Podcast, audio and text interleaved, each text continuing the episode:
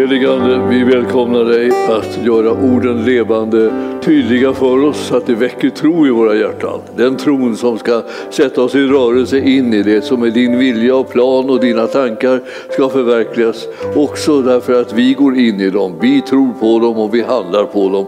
Och vi får se hur frukten kommer utav en troshandling. Vi tackar dig Herre för att vi ska få vara med och främja ditt rikes utbredande och sätta sin prägel på det. Som du, eh, när du upprättar ditt rike så ska det vara så att alla människor ska kunna få plats, alla människor ska kunna förverkliga det som det du har kallat dem till och att de ska rustas med den kraft som du har gett dem så att ingenting blir omöjligt för den som tror. Vi tackar dig Herre för att allt det här utlovar du och allt det där tror vi dig om och tar emot i Jesu namn. Och församlingen sa Halleluja. Ja, välkomna hit. Vi ska ha ett, eh, kan vi säga, det är ett litet studium kan vi eh, kalla det för i, i Gudsordet. Ibland så behöver man hjälp att läsa, eh, nästan alltid kan man säga.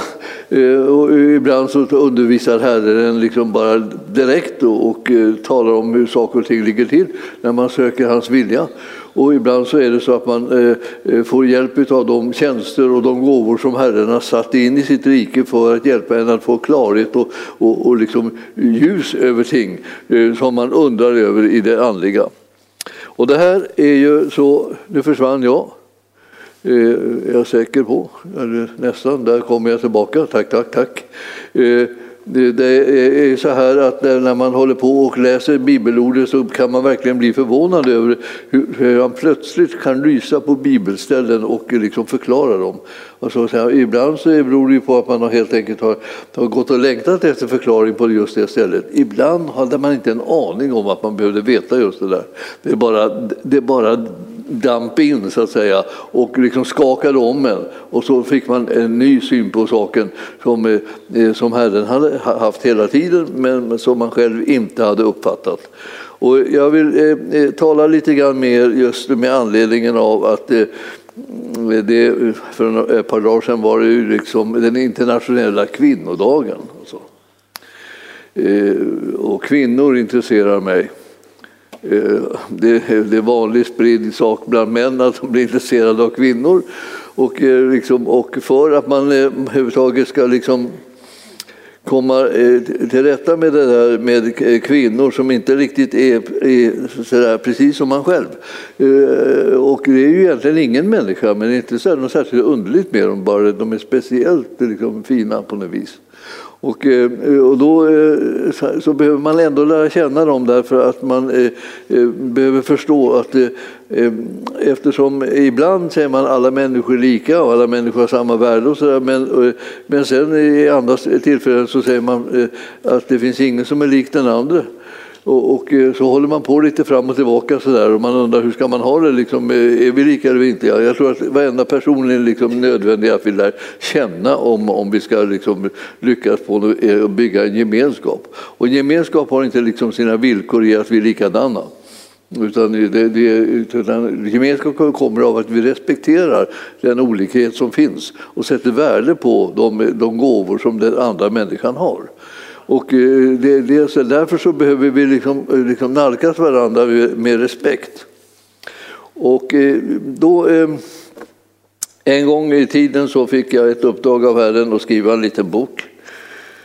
Jag vet inte om man tänkte att den skulle vara liten. Den är inte liten när det gäller innehållet, alltså, utan det är bara liksom lite, lite lätt, snabbt kan man läsa igenom den. Att leva ut den är en helt annat kapitel. Det måste göras med övernaturlig kraft och smörjelse. Och den kommer genom den heliga Ande. Men boken heter Ledarskapet, förkunnelsen och kvinnorna. Och det är liksom egentligen varför jag skriver kvinnorna, därför att jag kunde lika gärna skriva kvinnorna och männen, eller männen och kvinnorna, eller hur, hur kunde nämnt liksom båda könen. Eh, eh, men den handlar ju självklart om båda könen. Eh, varför jag skrev kvinnorna är bara därför att man behövde säga någonting liksom, för kvinnorna till kvinnornas hjälp. Alltså. Efter ett, liksom ett, ett, ett kopiöst långt utdraget liksom, för, förtryck eller ska jag säga, och missförstånd om vad en kvinna är för någonting. Så att det liksom, man har sett ner på dem och man har räknat, dömt ut dem och liksom räknat bort dem och, och hållit på. Och sedan har man kränkt dem och sen har man satt sig på dem och sen har man berövat dem liksom inflytande och möjligheter att utvecklas. Och jag vet inte allt vanvettigt idiotiskt som, som män håller på med i förhållande till kvinnor. Och det har varit mycket liksom andemakter som har varit i rörelse där för att förstöra relationen mellan män och kvinnor, att missförstå varandra, att liksom inte kunna leva tillsammans och liksom att bevara liksom en eh, aktning för varandra. Utan man liksom, det har varit mycket fruktan och mycket maktkamp och sådana här saker. Kampen mellan könen håller man på att prata om precis som om det vore någonting som man behövde slå vakt om för att det ska vara riktigt länge. Utan eh, kampen ska naturligtvis vara över. I Jesus Kristus är kampen över. Alltså. Det är bara så, så det ligger till. Om du undrar om det här på något vis och tror att det liksom, ja men män har ju liksom ändå makten över kvinnorna, det vet vi allihopa. Och så, där. Ja, det, så var det från begynnelsen. Alltså, männen ska ju råda över kvinnorna, det, så är det ju. Liksom så. Ja, visst, så, så är det i syndafallet. När man följer djävulen så blir det på det viset. För det är hans idé.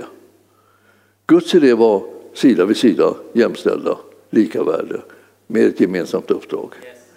Ingen var diskvalificerad från uppdraget, utan det, det gällde bägge. Och, där så, och då kan man säga, det kan man lätt läsa där om man inte envisas med att låta djävulen grumla till ens liv. Och det är, vi, det är vi här för att liksom se till att inte det sker. Så därför vill jag bara påpeka liksom att det här eh, syndafallet är inte modellen för hur man och kvinna ska vara tillsammans. Det är katastrofen. Och alla borde veta det när de har läst sina biblar, vet att oh, syndafallet, katastrofen. Det var ju då man lämnade Gud så att säga. Det var då man sa upp gemenskapen med Gud. Sa du får inte vara Gud i våra liv längre. Och så följde man ormen istället. Vad kunde det bli annat än fullkomlig katastrof? Och den här den stora synden som liksom förstörde människan inifrån och ut den synden alltså förstörde relationen mellan man och kvinna också. Så att det blev en maktkamp utan like. Och eh, eh, djävulen liksom in, liksom var nästan som vaccinerade dem med, med motstånd mot varandra. så att säga. De tänkte att det var hela tiden en kamp, en kamp, en kamp. Och så tyckte de att så plötsligt det kom små ljusa stunder och liksom då kärleken liksom eh, blommade mellan dem. Och så, där. Men sen liksom så sjönk det undan och sen blev det kamp igen. Och jag, jag vill säga till er att liksom, man behöver läsa på det här ämnet för att inte tappa bort det. Eftersom vi lever i en värld som är helt och hållet präglad av det här med idén om maktkampen mellan könen. Alltså det ska hela tiden liksom hålla på med det. Och även om, om världen säger att vi är så jämställda, vi är så jämställda, så, så jag säga, tror de inte. För när det kommer till kritan så visar sig att jämställdheten var helt bortflugen. Och, och maktkampen är där och, och viljan liksom att kontrollera varandra och liksom att kämpa med varandra. Alltså det, finns ju såna, det finns så många dumma uttryck. Alltså, ibland så när, när kvinnor liksom är alldeles desperata så här, då tänker de så här i alla fall. Ja, även om det är så att, eh, att, jag, att jag behöver liksom, eh, liksom eh, säga liksom att ja, det, det, är mannen, det är mannen som har det, det enda kloka huvudet i familjen och det är han som bestämmer och så vidare. Så styr jag nacken. Och då menar jag, jag vrider, jag vrider hans kloka huvud vart som helst. Liksom. Att han är liksom aningslös och som en dumskalle liksom, som, bara, som jag kan manipulera i alla fall. Jag ställer mig in hos honom, jag, jag pratar vad som helst och han går på det. Så fort slänga jag säger att han är underbar och klarsynt. Så, så det, alltså, det här är liksom sådär pinsamt för oss män. Och så. Pinsamt för kvinnorna också, att de ska behöva liksom leka en lek och ställa in sig och, liksom hitta på liksom saker och ting bara för att de ska kunna få utrymme att andas. Gud har en mycket bättre idé. Han föder alla på nytt och återställer relationen mellan man och kvinna så som det var före syndafallet. Mycket bättre idé. Och när han gjorde det så gjorde han det genom att sända sin son och försona människor med Gud så att syndens makt blev bruten så att vi inte längre var syndare utan rättfärdiga, godkända, så att vi kunde ställa oss utan fruktan, sida vid sida och inte hålla på och löjla oss med, med liksom, vem har makten över den andra, utan vi kan samarbeta. Och det jag vill säga till det här är avgörande för oss när vi ska leva det här livet. Att vi, att vi börjar liksom förstå att det här, det, det här var den ursprungliga planen, det här var den ursprungliga tanken som Gud hade, att vi skulle vara jämställda. Och, så, och, eh, och, det betyder inte det att vi måste ha samma, samma gåvor och samma utrustning och, och, och samma syn eller, eller, vad du vill. Det behövs inte alls hålla på och, liksom, och lirka ihop det för att det ska kunna bli likadant. Utan Gud har gjort oss lika värdefulla, lika viktiga i hans rike oavsett vad vi har för uppgifter. Och där har vi olika uppgifter och ni som har fått en, en, en god relation till det motsatta könet liksom, och kan känna igen det här. Man kan få det. Alltså man, man kan få en harmoni och man kan få en glädje och man kan få en trygghet med varandra. Och, och det, då pratar jag inte bara om äktenskap, jag pratar överhuvudtaget relationer mellan män och kvinnor. Alltså då, man, kan, man, kan vara, man kan vara vänner. Man kan vara goda arbetskamrater, man kan, man kan tjäna Gud tillsammans och man kan, man kan utföra uppgifter och utmaningar ihop. Som, och man kan verkligen få liksom ett, en, en, vad säger ett, ett förtroende för den andra och den andres kunskaper och förmåga eh, när man arbetar ihop för att göra, fullgöra olika uppgifter. Både sådana som är arbetsuppgifter som man har i sitt yrke då, men också sådana som man har i Guds församling och, och, och som Guds barn. Så kan man samarbeta arbeta och det kan bära en fantastisk frukt. Och allting behöver inte handla om eh, sexualitet. Alltså jag, jag bara säga det, det, för, försök att bygga någonting annat. Liksom det. Eh, sexualiteten eller det normala förhållanden så fungerar det nog ändå. Eh, men det som inte fungerar är det här med att man måste se till att, att man behandlar varandra respektfullt och, och rättvist. Att man har rätt att, att, att, vara där man är och man har rätt att förvalta sina pund och man har rätt att gå sin väg så att säga. Eh, och eh, den enda som har liksom något anspråk på en och har rättigheter det är Herren. Han kan säga att jag vill, gå, vill att du går på den här vägen och då ska ingen, säger ingen, ha rätt att stoppa den som vill gå på den vägen som Herren visar. Nu är det ju liksom lite krux ibland att vi inte riktigt förstår vem det är som visar oss vägen. Så ibland så blandar vi ihop det med ljus och mörker och alltihopa och tror att det är Herren när det är egentligen eh, idéerna och tankarna och, och mönstren för hur, hur man ska leva kommer från mörkret istället. Så att det, det är ju det som är kruxet. Därför har Gud i församlingen satt människor som ska vara med och förklara och visa vad Herrens ord säger och hur vägen ska, var vägen går. Och därför behöver vi komma samman och prata med varandra om hur vi har liksom tacklat olika saker också i gemenskapen mellan lemmarna i Guds församling. För Guds församling är inte bara liksom någon slags svårighet som man måste gå igenom när man är kristen. Man är tvungen att leva i det och man är alldeles matt när man har varit där. Utan, utan meningen är att man ska bli styrkt och uppbyggd och hjälpt och få vidgade vyer och tro på att det går för mig också att följa Herren och tjäna honom och göra det som han har kallat mig till. Och det går för mig att få klarhet om vad det är som är Guds vilja och vad djävulens gärningar är för någonting. Så att jag kan skilja på de där två och välja det som jag har valt i grund och botten när jag blev född på nytt, nämligen att följa Jesus och göra hans vilja. Så att det här är sådana där saker som ska klarna är det tänkt. Och Guds församling vill jag slå slag för. Det är den bästa idén att vara i Guds församling. Det finns ingenting som är så suveränt nyttigt och bra för, för en kristen som att vara i Guds församling. Alltså, där ska du vara en lem i Kristi kropp. Och inbilla dig inte att du kan vara någon liksom funktionerande lem så att säga, utanför Kristi kropp. Man kan, inte, man kan inte riva av dig som lem och slänga dig var som helst. Det, det, det blir, ditt liv blir fullkomligt meningslöst.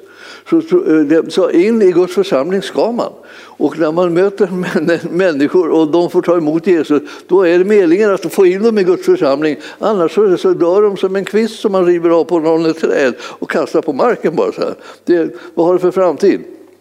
Ingen alls. Jag torkar och dör och, eh, och det funkar inte. Det är meningen att vi ska sitta ihop för att den näring som finns i hela kroppen ska komma varje liksom, liten del, del till, till godo. Liksom. Och så ska man kunna leva det här livet. Jag, jag, jag känner det, det finns en fantastisk plan ifrån Gud. Där, alltså, där vi alla som är medlemmar så att säga, i den Kristi kropp ska kunna liksom, förverkliga det som är Herrens vilja här på jorden. Och Gudsriket ska upprättas. Och, det, eh, och församlingen är en viktig del utav Guds rike. Det är här kan man säga vi tränar oss att leva i Guds rike. Alltså det är liksom, Guds rike är nästan för stort för att man ska fatta liksom hur, hur härligt och fantastiskt det är. Men församlingen är ganska konkret. Och där finns det massor av människor att, att, att, att träna på, så att säga. Hur, hur, man ska kunna, hur man ska kunna stå ut, hur man ska kunna klara av att liksom inte bli kötslig och dum och eh, bråkig och, och, och kontrollerande och, liksom och, och sådär. Utan det, man, man kan öva sig. Och det, och det är meningen att man ska öva sig under en viss, med en viss fostran så att liksom saker och ting kan utvecklas bättre och bättre och man klarar det mer och mer. Och så kommer Herrens ande, en svaghet till hjälp och så kan det bli någonting riktigt hyfsat efter ett tag. En del av oss som har vandrat i Guds församling i, i åratal, decenniers, decenniers, decennier eh, kan ibland bli liksom lite liksom missmodiga och tänker kan det ordna sig? Kan det, kan det bli någonting? Liksom? Måste alla springa sin egen väg på det sättet att de inte vill göra Herrens vilja utan de vill göra sin vilja? De tänker så här, Herre, är herre det, det är väl jag det. Jag är väl herre över mitt eget liv, säger man då. Så här. Jag har någon slags eh, upprorstankar. Eh, den som är herre över våra liv, det är Jesus. Vi har gudstjänst inte för att det, du ska få Herren liksom, att göra din vilja. Liksom, vi sitter här och prisar honom för att vi ska liksom, fånga in honom i ett nät. Han blir, tvungen, han blir så nöjd med oss att han, han blir tvungen att göra vår vilja. Alltså, han måste ju vara schysst. Tänk vad de har prisat mig. Liksom. Jag måste ställa upp för dem. Så här. Det är tvärtom. Det är du som ska ställa upp på hans, hans tankar och hans vilja förstås. Ja. Och då har han tankar och vilja liksom för, för, för också män och kvinnor. Och det, det är en genialisk idé, så att säga. Fantastisk sak alltså. Så att det är väldigt nyttigt för oss att vi inte är likadana. Det är väldigt liksom många bra saker som kommer med det. Och vi, om, om vi tänker bara liksom den sexuella frågan så, att säga, så är inte det den jättelika liksom, frågan egentligen i gemenskap mellan människor. Det är, det är någonting annat som är det, liksom, och det är möjligheten att kunna nå varandras hjärtan. Det är det som är det. Och man får börja med liksom att låta Herren nå ens eget hjärta ordentligt för att man sedan ska kunna våga dela sitt hjärta med en annan människa och ta emot en annan människa hjärta från hjärta. Alltså. Det här, är, det, här är, det här är häpnadsväckande. Jag, när jag skulle skriva den här lilla boken, nu då, Ledarskapet, förkunnelsen och kvinnorna, vilket jag hoppas du kan få tag i den på, på, på, på nätet om du går in på, på, eh, på, på Arkens eh, vad heter det, eh, bokshop. Och, den, eh, den här den är, den är nyttig alltså. Det här är liksom inte allt man kan säga naturligtvis om det här. Men det här är tillräckligt mycket. Och när jag skulle skriva den så tänkte jag bara, då skriver jag den då. Jag tänkte så här, jag behöver inte liksom sånt här. Det kommer jag ihåg när jag första gången hörde någon som började tala om sådana här saker. Tänkte jag, det behöver inte jag. Jag tycker, jag tycker jag och Linda, vi, liksom, det, vi funkar liksom ihop och så där. Det, är, det, är inget, det är inget problem. Liksom. Och, och, och, även om jag hade varit eh, motståndare mot kvinnliga predikanter och präster och så där, bara för att jag ville vara biblisk, Eh, eh, som jag trodde då, så var jag motståndare mot det. Men sen när jag träffade Linda så, så var hon suveränt liksom bra på det här, predika och förkunna och nå, nå människor. Så, här. så tänkte jag, alltså, jag tror struntar i den där idén att, att, att, att eh, kvinnor inte ska hålla på med det där.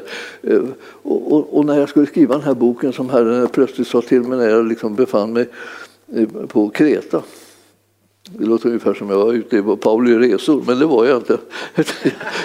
Jag bara, jag bara, jag bara liksom hade misstagit mig. Jag, skulle, jag fick ju aldrig semester. Va? Jag hade ju liksom, och, jag, och när jag var ungkarl så tog jag aldrig ut någon semester utan då, då bara fortsatte jag som vanligt eh, och, och, när jag var präst. Alltså. Och, eh, och sen, sen så, så plötsligt så, så, var jag där på Kreta då, och så var det fel årstid. Då. Alltså jag hade tagit en restresa, jag glömde bort vad det var för årstid. Det var vinter där nere. Så.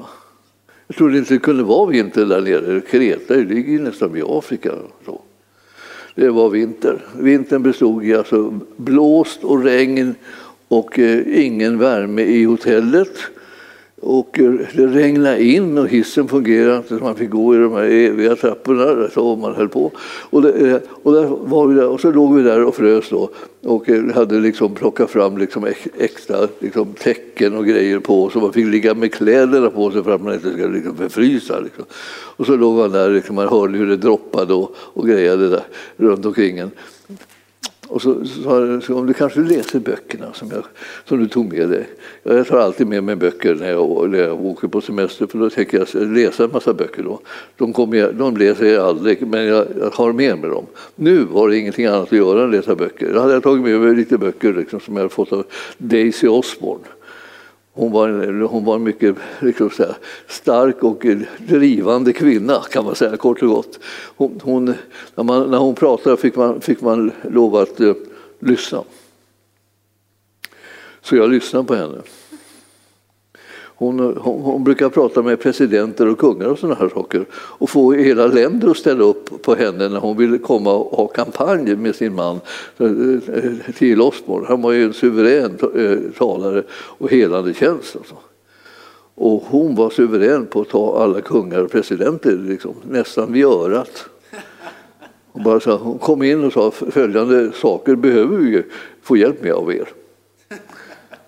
Så hon pratade aldrig med några andra liksom, eh, tjänstemän där på vägen utan, utan hon, hon skulle bara träffa kungen. Då. Det slutade ofta med att de liksom hade en här stor, jättestor härlig picknick vid någon, vid någon flod eh, och eh, åt eh, massa med härliga rätter och, och det hela var väldigt trevligt. Och sen ordnade de allting och sen, sen kom till och med liksom de här makthavarna och satt på, på, på podiet också för att liksom markera att de backade upp de här äh, mötena då som hon hade och som han, eh, maken hade också. Så hon hade en väldig liksom, utstrålning och eh, när hon talade så var det som att det var inte frågan om att, liksom, att, att, att be om lov någonting eller liksom, undersöka om det gick möjligen eller det kanske inte vill eller inga, inga sådana som backande förslag utan det var liksom det var, hon, bara, hon bara talade om hur det skulle vara och man fick för sig att så, så skulle det naturligtvis vara. Då fick jag en del böcker av henne som hon tyckte jag skulle läsa och jag tyckte att jag behöver inte läsa sådana här böcker. Jag, jag, jag och Linda har inte några problem med det här. Liksom. Ja, jag tycker du ska läsa böckerna hon. Det finns saker och ting som man eh, med lätthet missar. Jag tyckte hon överdrev. Jag missar aldrig någonting. Tänkte jag, i all blygsamhet. Ja, man är korkad så att man, man tur att man inte märker det. Det, det, det, är en barmhärtighet från Gud. Man märker inte hur korkad man är liksom, inom olika områden när man yttrar sig. Det bara finns ett tecken över det. Så det är det. Men i alla fall, då låg jag där på Kreta då, liksom, under alla tecken och, och kläderna på liksom, och undrade vad i all världen ska jag ta mig till den här en hel vecka. Då. Man hade stängt nästan varenda eh, restaurang. Det är ganska lustigt att komma till en restaurang, så går man in där, så man hittar, man äntligen hittar en som var öppen då, Så går man in på restaurangen och sätter sig, så kommer det och säger ja, vi, kan, vi kanske kan få liksom en, en liten eh, meny då. kommer de fram och gav en meny då. Läste man igenom den och så småningom valde man vad man ville ha. Då. Och så kallade man på den där eh, betjänten där. och så sa man så här, jag vill ha det här. Ja, tyvärr, det är, det är slut.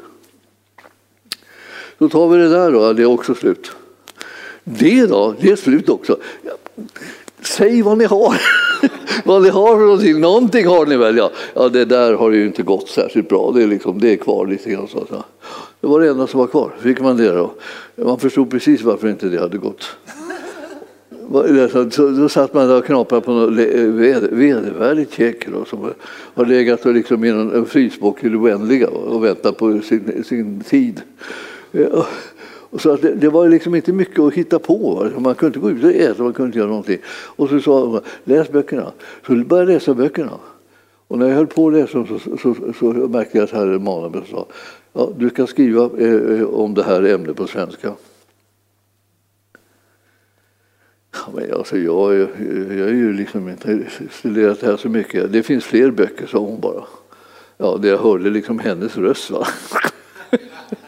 Det var så lustigt. Där. Men man kan väl säga kort och gott att jag eh, läste böckerna och bad över det där och höll på och sen så småningom satte jag igång och skriva.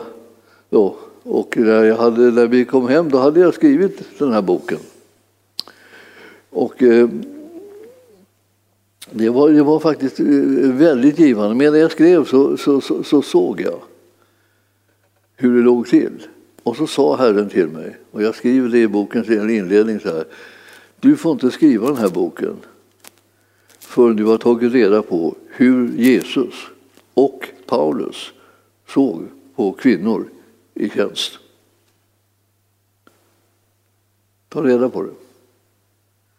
Ja, jag hade väl antagligen läst en del om det liksom i böckerna som jag hade fått. Va? Men men jag hade ändå inte riktigt klart för mig liksom hur, hur, hur, han såg på det. Jag hade ju för mig alltså att han såg på det precis som det, som det var. I syndafallet står det ju liksom att mannen ska råda över kvinnan och, och kvinnan ska tiga i församlingen. Och, och jag, jag hade diverse sådana här liksom negativa, små korta missuppfattningar inom olika områden som, som jag, som jag liksom lyfte fram då när jag tänkte på det här.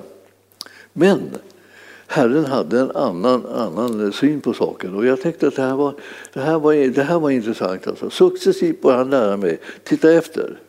Vad står det där? Vad står det där? Och jag tittade efter alltså, och jag började förstå att det fanns mängder med kvinnor. Och nu, och nu när jag höll på med kollekttal så, så, så blev jag, blev jag liksom påminn om att de här, det var ju en skara av kvinnor som tillhörde lärjungakretsen runt Jesus som följde honom och betjänade honom med sina ägodelar. Alltså deras gåvor var att de var rika och hade resurser. Och de där resurserna de ställde de till Jesu förfogande. Och Jesus behövde ganska mycket resurser. Han, han höll inte på hel, varenda dag och gjorde brödunder för att de skulle överleva. Utan det fanns liksom andra vägar som man kunde naturligt se att, att han fick tag i det som han behövde. Och kvinnorna, var, de här rika kvinnorna som följde honom, var en av de här stora resurserna som, som eh, Jesus hade. Och eh, om ni slår upp med mig så här i, i Lukas 8 så är det tre verser där som, som många eh, eh, män eh, verkligen har missat. Det, det, det, är ganska, det är ganska lustigt. Alltså vi, vi, vi, vi som, det är som om det vore liksom en... Jag tror faktiskt kvinnorna nästan missat det också. Eh, och det, det, här är ju först när man, när man får se, syn på det här plötsligt en dag. Alltså Lukas 8 och 1 alltså. Därefter så vandrade Jesus från stad till stad, från by till by och predikade evangelium Guds rike. Och de tolv var med honom, och även några kvinnor som hade blivit befriade från onda andar och botade från, eh, från sjukdomar. Maria, som kallades Magdalena, eh, från henne hade eh, sju onda andar farit ut. Vidare Johanna, som var hustru till Herodes förvaltare Kusas, och Susanna och många andra andra som tjänade dem med vad de ägde. alltså, det var alltså man kan säga, en ekonomisk stödgrupp som följde med och eh, såg till att man kunde köpa mat till allihopa som var, ingick i det gänget som, som gick runt med Jesus runt omkring från stad till stad, från by till by och predikade evangelium. Hur ska det gå om det inte finns sådana där människor? Skulle jag vilja säga. Det är, liksom, det, det, det är sådana där människor kallar Gud på. De kanske ibland tror att de bara, när de verkar som det, pengarna bara rinner in hos dem, de har som ett naturligt flöde in. Va? Och de tänker att det är bara för att jag ska vara så välsignad och ha så mycket. Det är det inte alls. det finns ett ärende med det här. Herren låter det här flöda in för att du ska se till att du får klart för dig var du ska dela med dig av det här så att du försörjer det som är Herrens verk på olika sätt. Man tänker, vad är det för något prat? Det är det där bibliska pratet som står där. Alltså. som vi läste nu, tre verser, fick oss allihopa att inse att här fanns det liksom en uppgift. Och dessutom hade, hade han lagt den där uppgiften i många kvinnors så att säga, famn. De, han räknade med dem, att de skulle vara med och finansiera hans tjänst.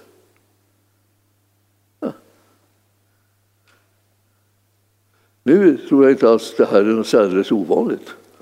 Att många kvinnor är med och finansierar hans tjänst än idag. Men naturligt är det, går kallelsen också ut till männen. Det är precis samma sak där. Men kvinnorna är mer överraskande. Att man skulle kunna förvänta sig att de skulle kunna vara med och finansiera tjänsten. Men idag borde det inte vara överraskande. Nu har kristendomen rått ganska länge och han gick omkring liksom i en judisk miljö och eh, kunde bedöma saker och ting mera hur det var med, med kvinnors ställning inom judendomen. Och den var extremt begränsad. Alltså. De var utanför på sätt och vis. Det var männen som skötte det religiösa. Och då, då, när de hade blivit befriade från onda andar till och med, liksom, så kom de in och var stödgruppen. Man tänker, ska man inte vara lite försiktig med dem? De kanske inte, de kanske inte blir av med alla onda andarna. Nej, men Jesus han, han trodde inte på sådana resultat. Han trodde på fullkomliga resultat. Alltså, befri, är man befriad av honom så är man befriad. Man är inte liksom halvt befriade eller delvis befriade. Så plötsligt bara så sticker upp en orm liksom, ur någon. Eller så här. Så det är nästan sådana här monster, rymdmonster. Sticker upp i bröstet kommer en orm. Utan det här, är, det här var Jesus, han, han befriade någon som vart fri. Så att den kunde sluta sig till lärjungakretsen och börja betjäna honom på avgörande områden för att evangelium skulle kunna nå ut. Ni förstår, både män och kvinnor har liksom det här. Se hur det gick för Sackeus. Han var ju liksom också en häpnadsväckande man med massa makt och, och, eh, och, och eh, dollartecken i ögonen. Ungefär det enda han ville var att tjäna pengar. Han struntade fullkomligt hur det gick med alla relationer och allting. Han var hatad till max liksom i sin stad, alltså han, där han eh, liksom verkade vid tullen där han klämde ur folk liksom pengar så att det visslade om det. Liksom. Och det enda som han brydde sig om var att bli rikare. Han, han, han, var på sätt och vis en liten strunt. Ja. Och han var ju så kort så att han, han måste liksom försöka använda helt andra medel för att sätta sig på folk än att han gör rent fysiskt. Utan han, han pressar dem ekonomiskt. Eh, det är många som hittar liksom andra vägar liksom, liksom att ta itu med omgivningen på om man inte har någon makt i det naturliga. Man kan gå omkring och bara spänna sina muskler och säga “Ville du något?” Ja, då ville de ingenting. Men ni förstår, den här mannen han, han, liksom, han hade framgång. Han var rik, liksom, så det dånade om det. Men han får ett möte med Jesus. Han känner inte igen sig själv vad som händer med honom. Han börjar liksom tala om att han ska ge bort sina pengar. Alltså, och han kan inte få stopp på det. Han, han, han bara liksom, jag ska ge. Och så börjar han säga, Jesus har inte bett honom om att ge någonting. Han kom bara in i sfären runt omkring Jesus. Och plötsligt säger han, och nu vill jag ge så här mycket och det, jag, ska, jag har tagit för mycket av någon, så jag ger massor tillbaka. Liksom. Och jag, så, så håller han på, vad, vad, är det, vad, är, vad är det? Har jag blivit sjuk? Liksom, eller? Alltså, han, han, han, blev helt lycklig, äntligen. Va? Man skulle kunna säga, äntligen fick han ett sammanhang där han kunde leva och andas. Där han inte behövde slåss. Alltså han var, han var befriad. Va? Han var löst. Och han, och han var totalt förvandlad. Alltså. Och sånt där händer med människor också idag.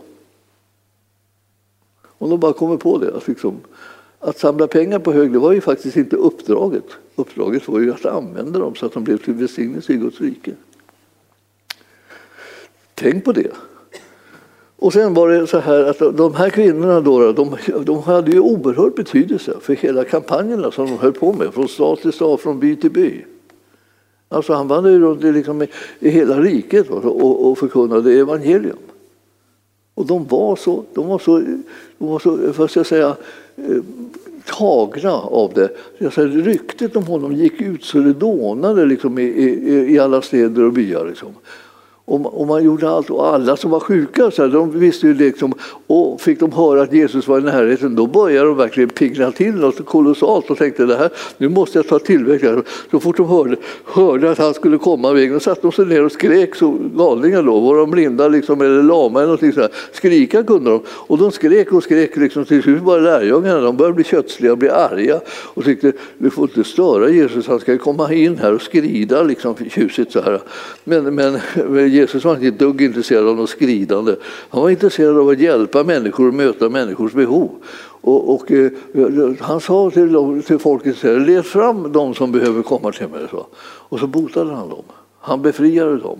Han öppnade deras ögon, han löste deras tungor och, och han, han, gjorde dem fria från förlamning. Och det, här, det, här var ju sånt där som det, då, det lät tala om sig. Alltså, överallt alltså, människor blev ju så gripna av att det fanns någon som var som han. Alltså, som brydde sig om de som var svaga, de som inte kunde ge någonting tillbaka. De som bara liksom var såna där som var i vägen överallt. Och, och alla spetälska som kom till honom också rusande mot alla regler och allting. Sprang de till honom i alla fall. Ni förstår, så vi, vi som är sådana som är väldigt liksom, försiktiga när det gäller regler. Åtminstone vi kristna liksom är, liksom är ofta väldigt liksom så här, regelbundna. Så här, vi tänker hjälp, hjälp, hjälp. Tänk om, tänk om samhället säger någonting till oss. Tänk om de tittar på mig. Och så här, har inte tillräckligt mycket vidtagit avståndet. Hur, gå omkring med måttband nästan. Så här, vi mäter upp så här, man vågar sitta, vågar jag sitta här och, liksom, och, där, och så. Ja, det, det finns naturligtvis viktiga saker att hålla, hålla de här sakerna för andras skull också och för sin egen. Men det finns någonting som alltid är mycket viktigare och det är Jesus. Och till honom måste vi liksom komma på det ena eller andra sättet. Vi kan komma så här och vi kan komma så där som det som sitter där. Och vi kan komma liksom i bön hemma, vi kan komma i bibelläsning, vi kan komma liksom in i, vår, i vårt givande och vårt engagemang och, liksom, och så i, i Guds rike. Och, och, vi går in i Guds församling. Eh, och vare sig vi är på distans liksom genom omständigheterna. Eh, men, men vi, vi går med i Guds församling därför att det är där man ska vara. Det är där som Herrens uppdrag ligger och det är där som din plats som lem är. Oavsett vem du är. Sedan du har blivit frälst så är du ett Guds barn. Det är det bästa man kan säga om dig och det viktigaste som du har som identitet. Du är ett Guds barn. Och du är rättfärdiggjord och godkänd av Gud så att du inte behöver skämmas över ditt liv. Du är efterlängtad alltså. Och det är precis som det så han har suttit och spejat efter dig ända tills du hörde av dig och började dyka upp i horisonten.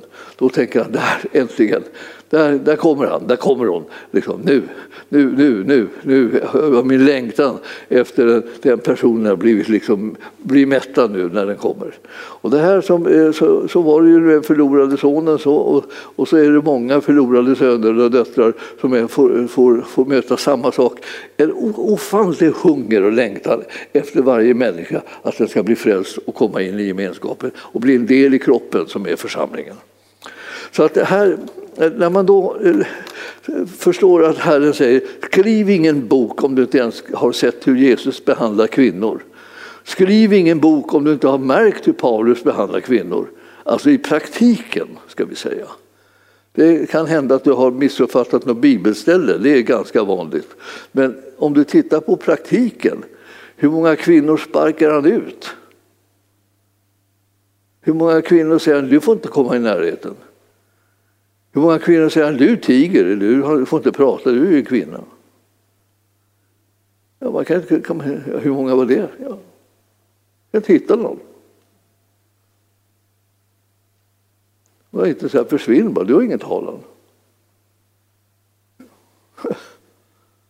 vad, vad, gjorde vad gjorde de istället då?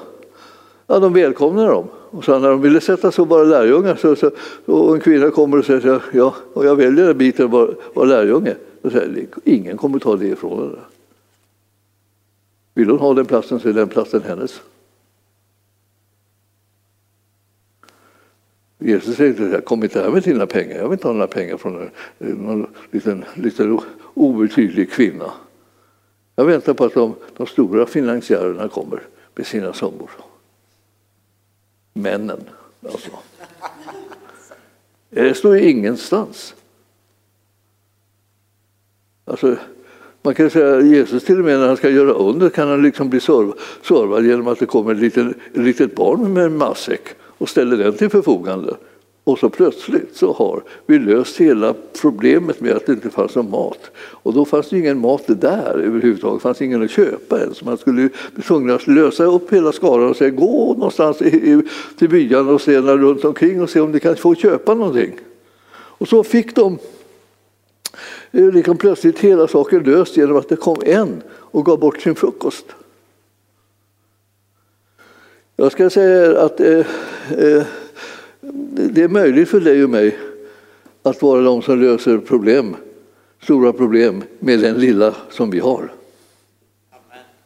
Alltså, det är inte så att ja, tänk om man hade sådär. Och, så och jag önskar att jag kunde liksom ha en frukost i, i rätt tid som jag kunde ge bort. För man tänker en frukost är inte mycket. Men, men ni förstår att det här, det här är så att herren, herren får en sån här gåva från någon som egentligen inte egentligen har någonting annat. Det här var det enda den hade. Liksom. Så, så, så, så möter den alla behoven i hans hand. Och när den blir välsignad är de mötta behoven. Och det här var en mamma som hade gett till, eh, mat till sin, eh, till sin pojke och den pojken hade kommit för att lyssna på Jesus. Och plötsligt så får den känna jag måste ge Jesus min frukost. Det här verkar vara ett stort problem, ingen, ingen har mat med sig. Och vi är ju mitt ute i vildmarken. Ingen tänkte sig för. Ingen var rädd när de gick till Jesus. De tänkte nu går jag till Jesus, undrar om jag kommer att överleva. Kanske kommer jag gå under. Liksom värmen, torkan, hänger vatten. Och, jag, allt var problem skulle man kunna tänka på. Det fanns många problem att tänka på om man ville hålla på med det. Men nu är inte det som du och jag är kallade till, att tänka på problemen. Vi är kallade till att tänka på Jesus. Så om du byter ut problemen med Jesus så har du börjat få tag i det som vi kallar för lösningen. Hjälpen, räddningen i alla möjliga och omöjliga situationer. Så Paulus sa, han som hatar kvinnor, som han säger. Ja, det, det, det är pinsamt att han, att han visar sig vara precis tvärtom. Ja, men han var inte gift, han var liksom så här, nej det var han inte. Han var inte gift. Men det betyder inte att man hatar kvinnor för att man inte är gift. Utan det betyder det kanske i en del fall att man just är kallad till att inte gifta sig för att man ska kunna klara av att göra den tjänst som Gud vill att man ska ha. Ibland så kan man göra tjänsterna och vara gift och ibland så kan man inte göra tjänsterna för att man är gift utan borde egentligen vara ogift. Och ibland så fattar man det i förväg så man inte gifter sig och trasslar med ett äktenskap hela, hela livet. Det har varit olika hur man har hunnit uppfatta de här sakerna. Och en del tror bara det, blir jag inte gift då är jag misslyckad hur jag än blir och vänder på det. Det är ju inte heller sant. Det är inte, det är inte att gifta sig som är livets mening. Men jag menar, för de som får den välsignelsen är det ju naturligtvis en, en stor välsignelse och glädje. Men det är en stor glädje att liksom inte gifta sig om man nu inte har fått det där från, från Herren att man ska göra det. För det, då blir det komplicerat. Det blir inte omöjligt, men det blir komplicerat.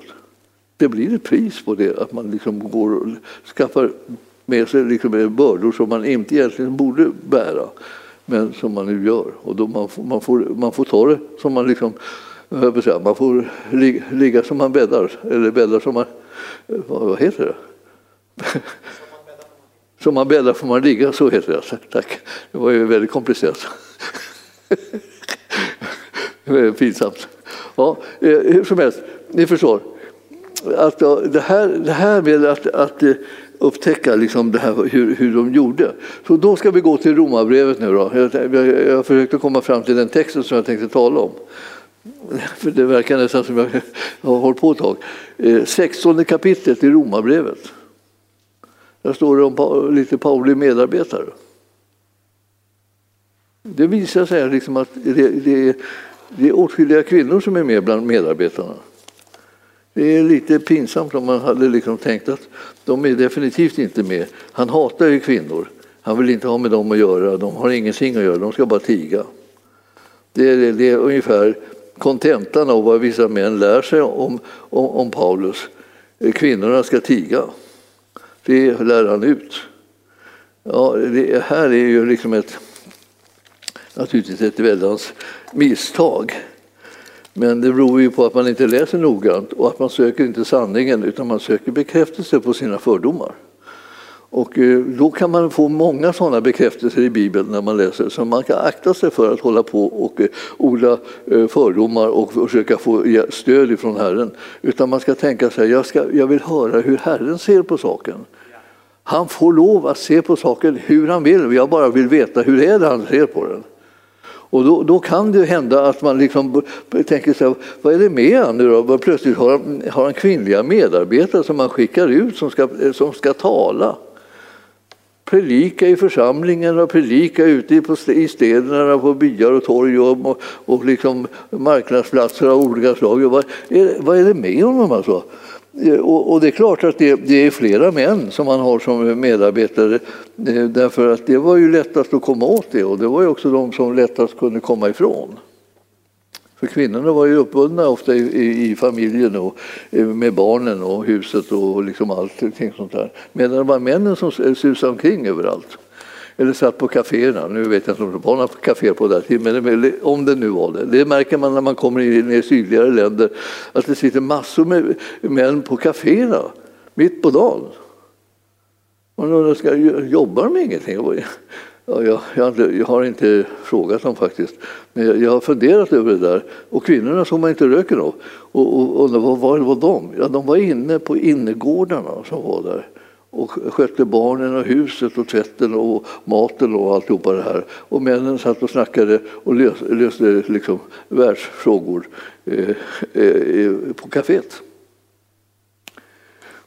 Ja, det var lättare att få, få tag i männen då, då man kan säga. Kom nu då. Liksom, ja. Jesus kallade till och med på folk som satt just precis och räknade pengar. Och så. så satt de i tullhuset där, och liksom, som Matteus gjorde.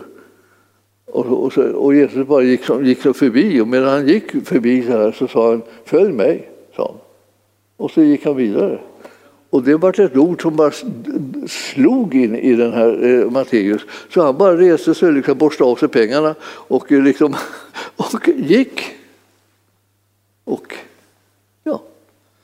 och in i tullhuset rusade alla för att riva åt sig så mycket pengar som möjligt. Ja, det var min påhitt. Jag, jag tänkte det måste ha blivit en sån eh, liksom effekt. Han lämnade alla pengar, så precis som inte de betydde någonting. Vad var det som betydde någonting? Följ Jesus. Det är det som betyder någonting. Det är fortfarande samma sak. Det är förvånansvärt liksom, vad, vad som kan betyda någonting. Liksom. Så, eh, när jag var ung så betydde det någonting att vara präst. Då, då, hade man, då hade man stort anseende. Nu kommer prästen. Folk vågar knappt andas. Ja, jag sa, åh, åh pastor, pastor, pastor, välkommen. Ja. Så småningom så märkte jag liksom själv att jag tyckte att det där med präst var nog kanske inte någon, någon höjdare. Det var svårt att tjäna Jesus och göra hans vilja så här, så på det sättet som det behövdes. Alltså göra det med den heliga Andes kraft och så. Att eh, predika ordet så att det liksom, så man predikar om det som stod. Alltså det, man fick ju en bibeltext men man predikade aldrig om det som stod. Jag har predikat om massor med bibeltexter i mina dagar som, som eh, har handlat om helande och befrielse och aldrig predikat om helande och befrielse. Jag har liksom gjort det över, fört över det liksom till upplevelser. Man kan känna sig bunden, eller man kan känna sig nere, man kan känna sig svag och man kan känna sig lite otrygg och så. Och då Jesus han, han kommer och han tröstar och klappar om en och så. Det var, liksom, det var ungefär vad budskapet var. Liksom. Inte så här, han kastar ut onda andar och så, så blir de befriade. Det gick inte att säga. Då hade man väl varit, blivit uppsagd på studs. Men ni förstår, tiderna förändras. Sen plötsligt så en dag så tänker man, vilket är viktigast? Att följa Jesus eller att eh, stå här och vara, vara en, eh, en präst där, som alla inbillar att den, att den förstår sig på allting? Ja, då tänker man, nej, jag, jag tror jag tar, jag följer Jesus, jag struntar i det här andra. Och så gick jag ut i tomma intet. Det var intressant. Det var jobbigt.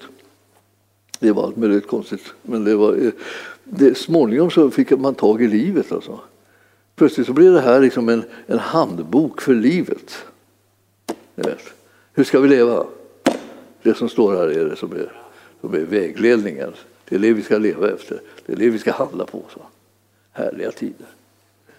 Ja. Jag ska bara nämna eh, nu då, som avslutning för att jag skulle bara komma hit för att du skulle få se att det fanns kvinnor i tjänst. Om man säger om en person att den arbetar i Herren så betyder det att den har en andlig tjänst.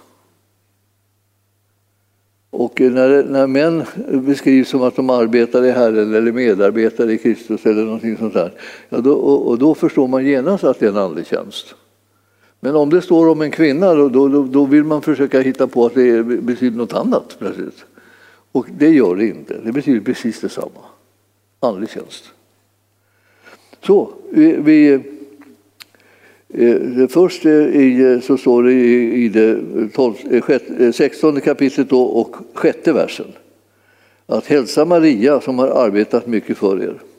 Och sen hon är en som har tagit ansvar i det andliga arbetet som, som, eh, som man har, har där i den församling där hon levde. Och hälsa också Andronikus och Junia som var en kvinna då och eh, man gissar att det här var eh, två, eh, två syskon. Och, eh, och de, de, var apostlar och var, var alltså eh, kända. Och här har man skrivit det så så man nästan kan läsa det lite hur som helst. Men det är det att det är minst troliga tolkningen liksom, utifrån kyrklig tradition är att det fanns en kvinnlig apostel. Och eh, därför. Och Junia, hon heter Junia och inte Junias eftersom Junias inte finns på den här tiden som ett namn. Eh, och framförallt inte då ett namn som eh, eh, Junia alltså är, ju, är ju det kvinnonamnet som finns men Junias som mansnamn finns inte. Så det kan man glömma. Det är någon som har försökt göra en man av den här kvinnan som var en irriterande faktor, nämligen som visar sig bli, bli, bli beskriven som en apostel. Ja, eh, sen är det då en hel del män, Ampliatus, Urbanus och, och Stachys och eh, Apelles och eh, eh Aristobulus familj, eller kan man ha varit lite blandat då. då. Herodion är också en man och Narcissus är en man så håller det på så här. Men så kommer det två kvinnor i tolfte versen. Där då. Hälsa Tryfena och Tryfosa. De två arbetar, eh, som arbetar i Herren. Och hälsa också Persis. Det är kvinnonamn, det kanske du inte känner till, men det så är det. Persis, som har arbetat mycket i Herren. De här som håller på att arbeta i Herren, alltså det är sådana tjänster eh, som, eh, som Paulus har runt omkring sig, som är sända ut till olika håll och nu eh, tycks de här befinna sig liksom i Rom. Och dit Romarbrevet går förstås. Och sedan så, eh, så står det mot slutet så här att eh, eh, det är ytterligare några kvinnor efter männen, vers 14 och 15. Så står det, först 14 det är bara män de som är där och sen i 15 så står det Filologos och Julia. Julia är ju, är ju ett kvinnonamn. Nerevs är en mans namn. Hans syster var inte nämnd med namn, men hon var tydligen också med där. Och sedan Olympas, också det är ett kvinnonamn. Eh, och alla de heliga som är hos dem. Det vill säga de hade hand om, om eh, de heliga, de samlades i deras hem. Det här med hemförsamlingar var ju det som man var hänvisad till i början. Man kunde inte liksom ordna på annat sätt, man fick inte hyra lokaler. Så att det, det är ungefär som det var i början här också. Vi fick inte heller hyra lokaler. Det var ju nästan omöjligt att få tag i en lokal. Så att vi, hur vi än försökte va, så sa det, och när vi till slut vi gick till kommunen och frågade kan, vi, kan ni hjälpa oss? Vi behöver en lokal som är, har si så många kvadratmeter. Så här. Nej, vad ska ni göra det till? sa de. Ja, vi, vi, ska ju ha, eh, vi ska ju ha församlingen som samlas där och vi ska ha bibelskolor och, och, det, och det, det, blir ju eh, en hel del folk också. Eller det tror vi inte. Ja, ja, vilken anledning då? Vad, vad då? Tror ni inte att vi ska ha det? Vi säger ju, berättar ju det. Ja, vad har ni för bevis på att det blir så? Då? Ja, det är svårt att säga till en heling, ja, vi är Gud, alltså, Gud har sagt. Alltså man, man känner på sig att det, det kommer inte stärka saken om jag nämner det. Utan, ja, vi, vi, säger, vi sa bara det, vi är övertygade om det. Vi har arbetat för det, vi har annonserat och vi har spritt kunskapen om det bland sådana som kan tänkas vara intresserade. Så det blir nog så. Ja, det tror vi inte. Vi, vi har en barack som ni kan få låna. Barack. Vi fick ju inte plats med den församling som var då ens en gång. Så, så det här var det. Va? Eva hade ingenstans att ta vägen.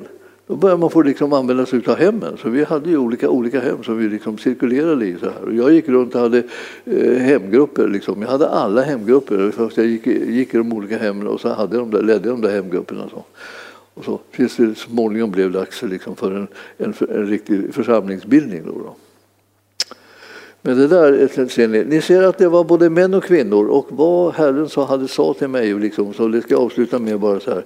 Det som han sa till mig var som jag fick mig liksom verkligen att, att skaka till och tänkte jag kanske måste göra som han säger, nämligen starta en församling. Det var många som hade sagt det, men Herren hade inte sagt någonting till mig om det. Men så eh, började han så småningom antyda det där. Och då sa jag tyvärr, det går inte. Jag har, jag har, jag har inga, ingen som hjälper mig, sa jag. Och då gav hon mig bibelstället. Alltså. Eh, det var väl Ordspråksboken, och det var 13 va?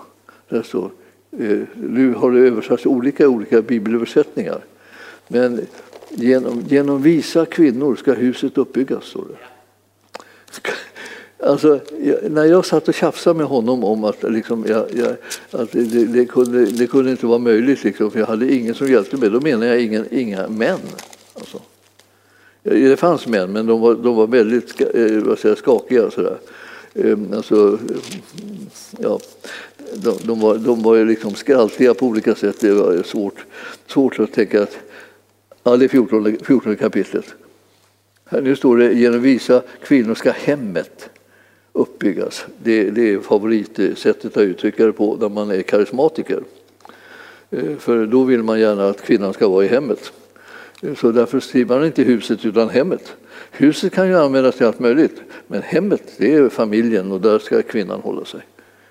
Eh, så man kan avläsa teologin genom det. Men nu kan vi säga så här att det, det står hus. Och eh, det stod det i den bibel som jag hade då. Jag antar att Gud visste vilken bibel jag hade. För jag hade, jag hade ju 1917 år och där stod det hus. Och, och, så, och, eh, då sa han liksom, eh, och jag tänkte så här, eh, genom visa kvinnor blir huset uppbyggt. Och dårskap river ner det med egna händer. Jag, vill inte, jag fick råda mina händer. Jag vill inte vara den där dårskapen som rev ner allting som Herren har planerat med mina händer. Jag, jag, jag gömde dem. Där. Men jag, jag tänkte så här, Alltså, det verkar som man påstår att, att, liksom, att jag har visa kvinnor. Har jag några visa kvinnor? Det gick ju inte liksom att låta bli att se dem. De var ju runt mig ett, ett antal visa kvinnor. Fromma, starka bedjare och, och kunniga i bibelordet och kapabla på allt sätt. Alltså. Och jag såg, när jag såg dem tänkte jag, jaha. Eh, så han menar att, att, det, att, det, att det räcker. Liksom att eh, det, han mötte mig med, med tystnad. Eh, jag kände på mig att jag var korkad när jag liksom ställde vissa typer av frågor vid det här laget. För det var ju självklart att eh, om man pekar på dem så, så duger de. Och då får jag ändra åsikt bara. Och här stod ju att man kunde liksom bygga upp liksom huset med hjälp av visa kvinnor. Ja, då så.